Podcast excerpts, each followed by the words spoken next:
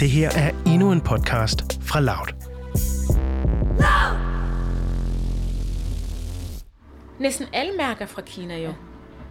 Altså det er sådan helt vildt. Det, jeg, jeg, det synes jeg faktisk er helt vildt, at jeg har så meget Kina i mit hjem. I hvert fald i forhold til også, hvor meget menneskeretskrænkelse der er i Kina, og hvor mange ting, der foregår i Kina. Øhm, jeg er Kina. Når du køber en ny skjorte i en tøjbutik på gågaden, så kan den allerede have været i hænderne på en argentinsk bomuldsbonde, en syriske i Bangladesh eller Kambodja, og endnu en syriske i Pakistan eller Kina. Skjorten har krydset landegrænser og kontinenter. Den er blevet syet, farvet, pyntet og pakket. Men af hvem og under hvilke forhold? Det står ikke på din nye skjorte. På Danwatch ser vi igen og igen, at det tøj, vi køber i butikker i Danmark, er syet af mennesker under tvang, gældslaveri eller ekstremt lave lønninger. Og som forbrugere er vi sidste led i tøjindustriens globale varekæde. Vi er forbundet til de mennesker, der producerer vores tøj, mad og elektronik. Og vores valg har indflydelse på deres liv. Noget af det, vi kan gøre, det er at vide mere om, hvordan produktionen foregår. Derfor besøger vi i Fros forskellige danskere, der alle er kendt i offentligheden for deres holdninger og værdier i forhold til vores væren i verden. Vi kigger i deres køleskab, klædeskab og cardboard. Vi undersøger, hvordan deres tøj, mad og elektronik er produceret – og om der kan være sket menneskerettighedskrænkelser undervejs. Kort sagt så blotlægger vi deres forbindelse til mennesker rundt om i verden. Jeg hedder Mie Oppekær, og du lytter til Fros, en podcast lavet af Danwatch til Radio Loud. Den t-shirt, jeg sidder i, den har jeg købt på udsalg på Asos. Det er en helt almindelig hvid bomulds t-shirt. Dem har jeg en del af hjemme i skabet, og i nakken der står der Made in Turkey – hverken mere eller mindre. Jeg vil gerne vide, hvordan vi i Danmark er forbundet til mennesker rundt om i verden gennem vores tøj. Og jeg har spurgt Mary Consolata Namagambe, om hun vil lægge tøjskab til. Hej. Ja, velkommen. Tak. Jeg smider bare lige skoene her. Vil du have noget te, eller? Mary er debattør og er især kendt for sin input i racisme-debatten. Hun er også jurist og har startet virksomheden She for She, der syr genanvendelige menstruationsbind til unge piger i Uganda, for at sikre skolegang og bedre sundhed. Menneskerettigheder, det er altså omdrejningspunktet for Marys hverdag, men tænker hun også på det, når hun køber tøj? Hvordan med She for She, hvordan spiller øh, social ansvarlighed ind i dit arbejde der? vi har valgt at ansætte kvinder. Nu har vi også en mand i virksomheden.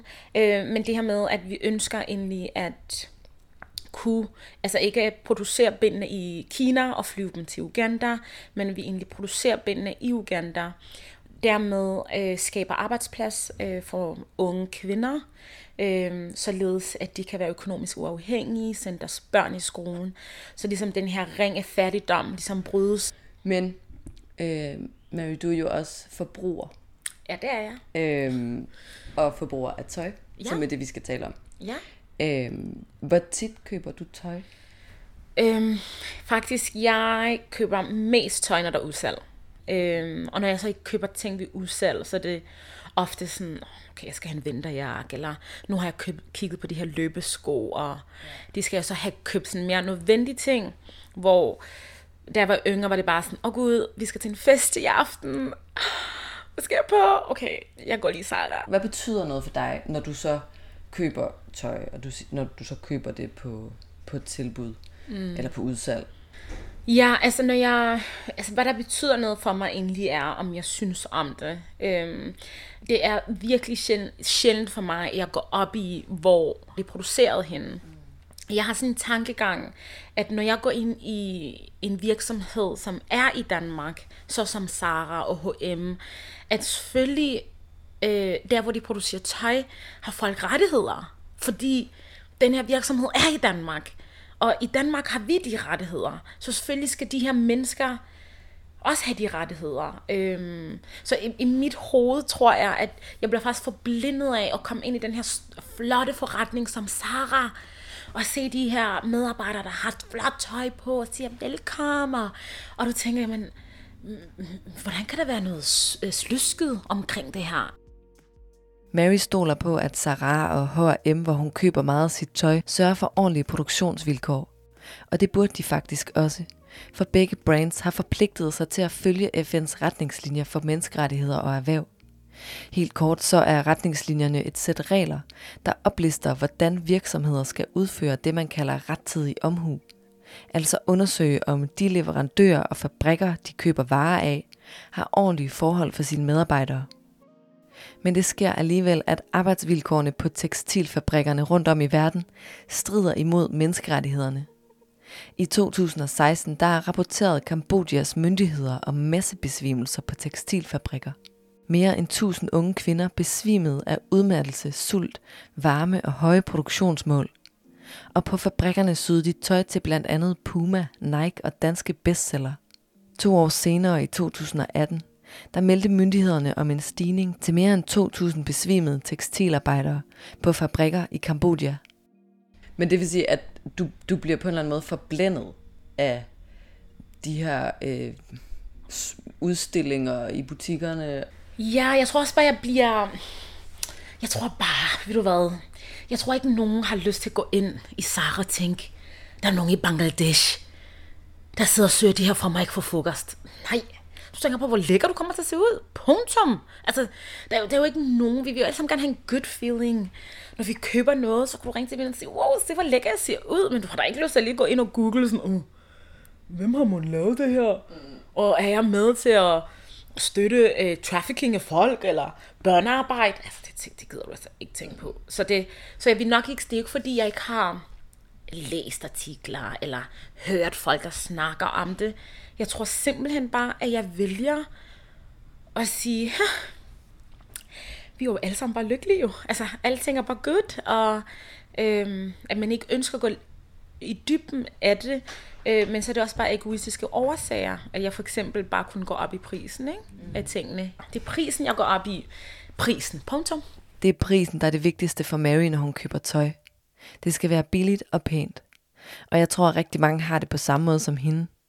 Faktisk viser en undersøgelse lavet af det amerikanske sportstøjsmærke Orion, at 75% af de adspurgte gerne vil have luksuskvalitet til billige penge, også selvom det kræver, at lønnen til fabriksarbejderne holdes på et minimum. Altså jeg synes, det, jeg synes måske det, der værst ved det, det er, at vi øhm, pådytter folk at have arbejdsvilkår, som vi aldrig nogensinde vil acceptere i Danmark. Øh, måske er det det, der måske gør mest ondt på mig, at, at for at jeg kan se lækker ud i mit billige tøj, så er det, at der er nogle mennesker, der skal arbejde i flere timer øh, for dårlig løn, men at jeg så samtidig er villig til at give øh, 1000 kroner for en jakke, som nok øh, for, for at få produceret har måske kostet 150, og den, der har syden, har fået 2 kroner, ikke? Øh, Føler du et ansvar over for de mennesker, der sidder og syr dit tøj? Altså moralsk set burde jeg føle et ansvar. Øhm, der er så mange ting, men burde føle et ansvar for. Øhm, men jeg tror faktisk i det, at det ikke er noget, som jeg til hverdag ser. Altså det er ikke sådan, at når jeg kommer i H&M, har de hængt en plakat op, Øh, de her bukser er blevet syet af de her, de her kvinder, som bliver betalt 5 kroner i timen, for eksempel. Jeg tror faktisk, hvis jeg så det, havde jeg ikke købt de bukser. Altså, det, det havde jeg virkelig ikke. Øhm, men det er det her med, at du får den her viden en gang imellem, og så håber du, at tingene ændrer sig. Øh, og så er det det. Altså, jeg vil sgu ønske, at lige så vel som jeg nu går op i, hvad jeg skal spise, og hvad jeg putter ned i min krop, at jeg lige så vel går op i de underbukser, jeg har på, og nederdel, jeg har på, t-shirt, jeg har på, at det egentlig betyder noget for mig. Mm. Øh, hvordan andre mennesker bliver behandlet, dem der producerer det. Men altså, for, altså igen, det med økologi, at jeg går jo mere op i økologi. Altså måske går jeg faktisk ikke helt op i, hvordan mine økologiske bananer bliver produceret, men at det faktisk er bare god for mig. Yay! Ej, åh, det var også fucked up. Det har jeg heller ikke tænkt over. At, du ved, nu køber jeg jo bare masser af økologi, uden at egentlig tænke over, hvor fanden stammer ja. det fra? Ja. ja, bare det er godt for mig, ikke? Ja. Og, og det er samme med tøj. Altså, bare det er billigt for mig, så tager det på, ikke? Det er svært at overskue den her sammenhæng mellem sit forbrug og andre menneskers levevilkår rundt om i verden. Men måske det bliver lidt tydeligere for Mary, når vi går hendes tøjskab igennem. Skal vi gå ned, ned?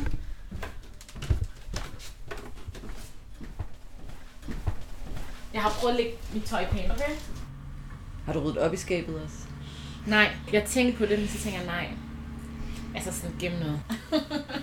Der er i alt syv låger, der gemmer på tøj. Det her er lidt af... så, det er lidt af jakker og sommertøj og sådan noget. Og så har jeg... Øhm, Jeg beder hende om at finde noget af det tøj frem, som hun bruger allermest. cowboybukser selvfølgelig. Ja. Der er bælte i allerede. Og så har jeg sådan nogle, hvis jeg skal... Nogle gange så har jeg mange foredrag, og der bruger jeg en del skjorter. Og mange af de skjorter har jeg faktisk købt her i min genbrugsforretning. Og mange af dem, de er sådan Ralph Lauren og sådan noget, når man skal se lidt øh, rig ud og sådan noget, ikke? øhm, Der er jeans, skjorter, sportstøj, toppe, kjoler. Og så beder jeg hende om at finde sit nyeste køb frem. og den her bruger jeg hver dag faktisk. En trenchcoat fra H&M, som hun har brugt hver dag, siden hun købte den. Så det er sådan en, øh, den er brun, øh, og så kan man binde den Ja. i livet. Altså sådan rigtig Sex and the City, forstår du? Skal vi prøve at kigge på mærket? Jo, Hvor er den syd hen? den er lavet i Kina, Okay. kan vi se. Marys nyindkøbte brune trenchcoat er produceret i Kina, og det er der faktisk i rigtig Kina meget af hendes tøj, der er. Og den er også lavet i Kina, faktisk. Jeg har aldrig... Er det her fra H&M? Altså, det er også Zara. Øh, og den er også... Den er lavet... Øhm, Kina. Gud, jeg vidste ikke, jeg havde så meget tøj fra Kina. Det må jeg nok sige. Vildt. Bare ved at kigge på de små mærker i tøjet, er vi blevet klogere på Marys forbindelse til verden. I det her tilfælde en ret stærk forbindelse til Kina. Jeg, jeg tror faktisk, jeg er meget overrasket over, at meget af mit tøj er fra Kina. Øhm, I hvert fald i forhold til også, hvor meget menneskeretskrænkelse der er i Kina, og hvor mange ting, der foregår i Kina, er jeg virkelig overrasket over, sådan, at jeg har så meget Kina i mit hjem. Altså, det er sådan helt vildt. Også for det er jo forskellige mærker. Det er jo Ja. ikke bare et mærke. Lige præcis. Næsten alle mærker fra Kina jo. Så det er sådan, det synes jeg faktisk er rimelig vildt. Ja. Lidt skræmmende, fordi vi snakker sådan, mm, vores børn skal ikke have TikTok, fordi det er fra Kina, og det bliver overvåget. Altså, det kan være ikke, det bliver overvåget i mit, øh, overvåget i mit tøj, men altså, jeg er Kina. Med den konklusion tager jeg afsked med Mary for nu. Men vi er ikke færdige. Jeg har lovet hende, at jeg vil undersøge, hvad jeg kan finde ud af om hendes nye trenchcoat. Altså udover, at den er fra Kina. Og jeg vil gerne vide, om noget af hendes tøj kan være forbundet til menneskerettighedskrænkelser. Jeg går i gang med at undersøge Marys nyindkøbte trenchcoat. Okay, jeg tror simpelthen bare, at jeg starter med at prøve at finde trenchcoaten i H&M's webshop. Den er her. Øhm, der står, at den er lavet af polyester. Det er jo plastik. Og her under bæredygtighed er der en fane, der hedder leverandørliste. Okay, her står faktisk navnet på fabrikken. Hempel China Limited i Hangzhou i Kina. Mm, Det eneste, der står, det er, at der er mellem 1001 og 1500 medarbejdere. Men, men der står ikke noget om, hvordan forholdene de er på fabrikken. Velkommen til HM's kundeservice. Jeg ringer til H&M for at høre, hvad de kan fortælle. H&M vil ikke deltage i podcasten, og de vil heller ikke svare på, hvordan Marys trenchcoat er produceret, eller hvordan forholdene er på den kinesiske fabrik. De skriver til gengæld i en mail, at de arbejder for at gøre modebranchen mere transparent. Og de er også nogle af de meget få, der ligger deres leverandørliste åbent ud, og endda gør det ret nemt at finde frem til den konkrete fabrik. Derfor synes jeg også, det er ekstra ærgerligt, at de ikke vil fortælle mig om forholdene på fabrikken, hverken til bånd eller til baggrund. Jeg prøver også at ringe til fabrikken i Kina, men det kommer der ikke noget ud af. Jeg spørger forskellige NGO'er, om de har kendskab til fabrikken. Det har de ikke. Sporet fra trenchcoaten ender altså med fabrikken i millionbyen Hangzhou i det østlige Kina. Men da jeg søger rundt på nettet, falder jeg over en aktuel sag om tvangsarbejde hos en kinesisk bomuldsleverandør.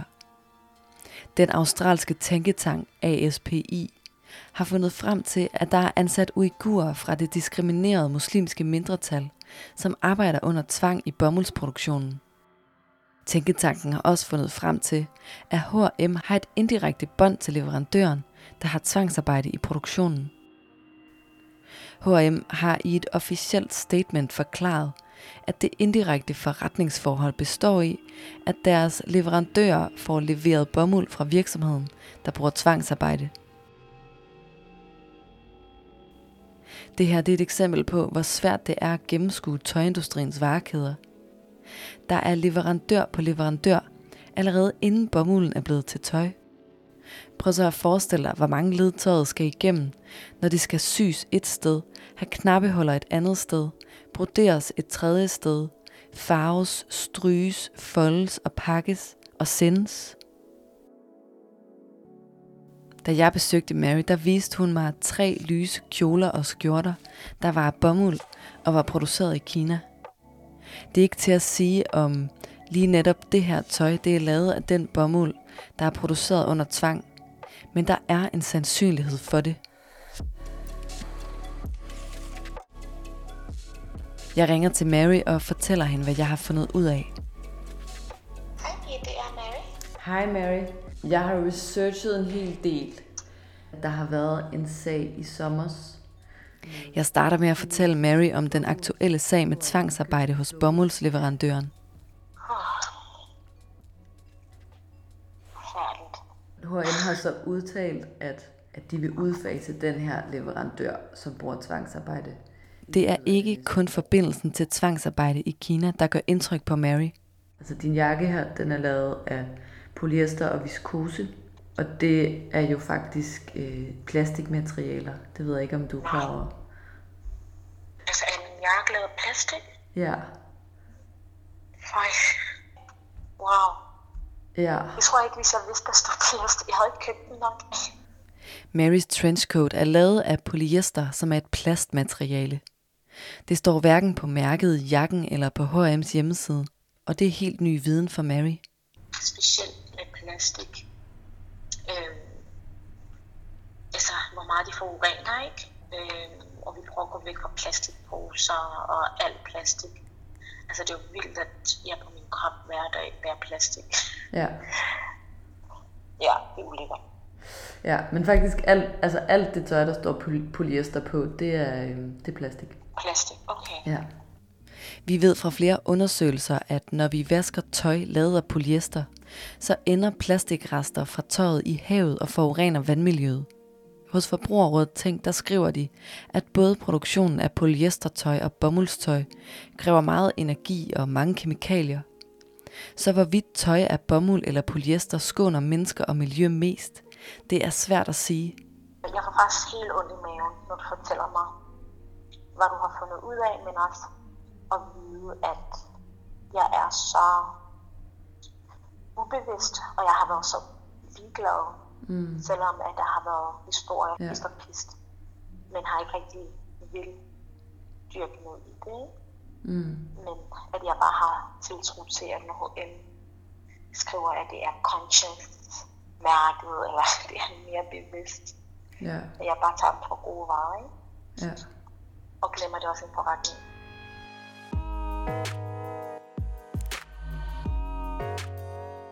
Mary hun er blevet meget klogere på, hvordan hendes tøj forbinder hende til mennesker rundt om i verden. Men også hvad tøjet består af, og hvor mange led det skal igennem, før det ender i butikken i Danmark. Tøjindustriens globale varekæder, de er svære at gennemskue, også selvom vi er en del af dem. Hvis du gerne vil vide mere om, hvordan dit tøj forbinder dig til verden, så kan du starte med at kigge på mærket i nakken. Se hvor det er lavet og lav en simpel Google-søgning på nettet med brand plus land og se hvad der popper op. Du kan også spørge brandet, hvordan tøjet er produceret og hvem der syr det, men det er ikke sikkert, de vil svare. Virksomheder som H&M har ifølge FN's retningslinjer for menneskerettigheder og erhverv pligt til at undersøge, om der sker menneskerettighedskrænkelser i deres varekæde. Og de har pligt til at skrive en rapport om de risici, der er i deres produktion. Den kan du også prøve at finde og læse. Det er svært at få store virksomheder til at tage ansvar. Men noget af det, vi kan gøre, det er at vide mere om, hvor tingene kommer fra, og hvordan de er produceret. I næste afsnit besøger jeg Anders Morgenthaler, der er tegner, forfatter og elbilsejer. Vi skal nemlig tale om nogle af de konsekvenser, der er forbundet med produktionen af et elbilbatteri, og hvordan klimakampen nogle gange kommer på kant med menneskerettighederne. Vi kan, det, det, det problemet er, når du spørger mig om lithium, så er jeg nødt til at inddrage alle elementer. Du sidder og optager mig med en Zoom.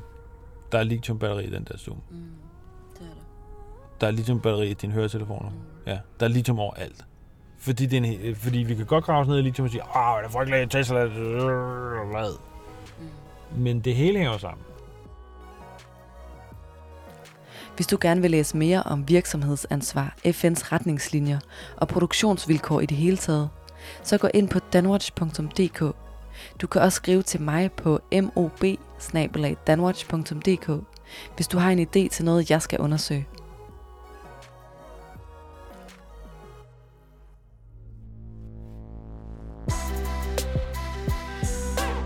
Det her var endnu en podcast fra Loud. Hvis du kunne lide den her podcast, så vil du måske også kunne lide denne her.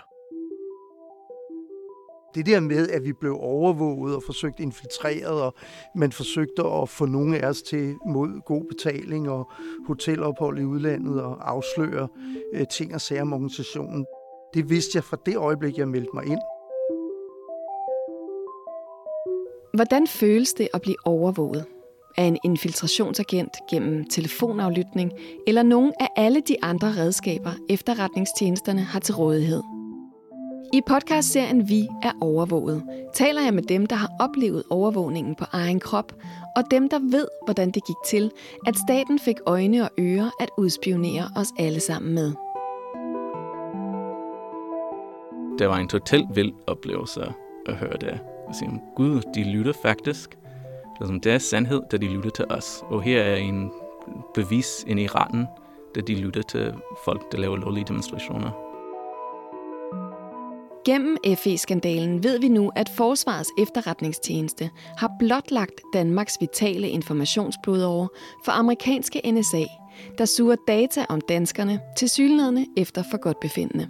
Overvågning er magt, øh, og det er det i, i, i, i forholdet mellem borgere og stater, det er det i forholdet mellem stater. Øh, og det synes jeg var en, det synes jeg er en ekstremt vigtig pointe at forstå.